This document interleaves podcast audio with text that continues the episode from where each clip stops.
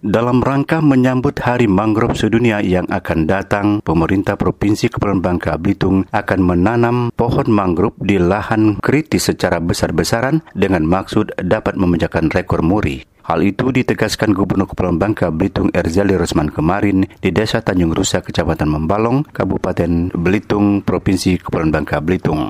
Menyikapi hal itu, pemerintah Provinsi Bangka Belitung bekerjasama dengan BPDAS dan HL Batu Nusa Cerucuk Kementerian Lingkungan Hidup dan Kehutanan telah menyiapkan sebanyak 600 ribu lebih bibit mangrove dengan penanaman berpola sehingga ke depan kawasan mangrove bisa digunakan untuk kawasan wisata, tempat edukasi, dan penggiat ekonomi masyarakat setempat. Apa yang kita tanam pada hari ini sampai dengan Hari Mangrove Sedunia nanti, jumlah yang tertanam dan hidup itu sesuai dengan target dan menjadi penanaman terbesar selama dalam sejarah penanaman Bangka Belitung dalam rangka merehabilitasi lahan. Lebih jauh, Erzadi Rosman menjelaskan, guna mendukung kegiatan RHL di Bangka Belitung, BPDAS HL Batu Nusa Cerucuk saat ini memiliki fasilitas persemaian di empat lokasi, yakni Desa Namang, Desa Kurau, Desa Jurung, Seberang Belitung, dan Desa Lilalang Beltim. Erzali Rosman berharap kegiatan ini momentum untuk menumbuh kembangkan semangat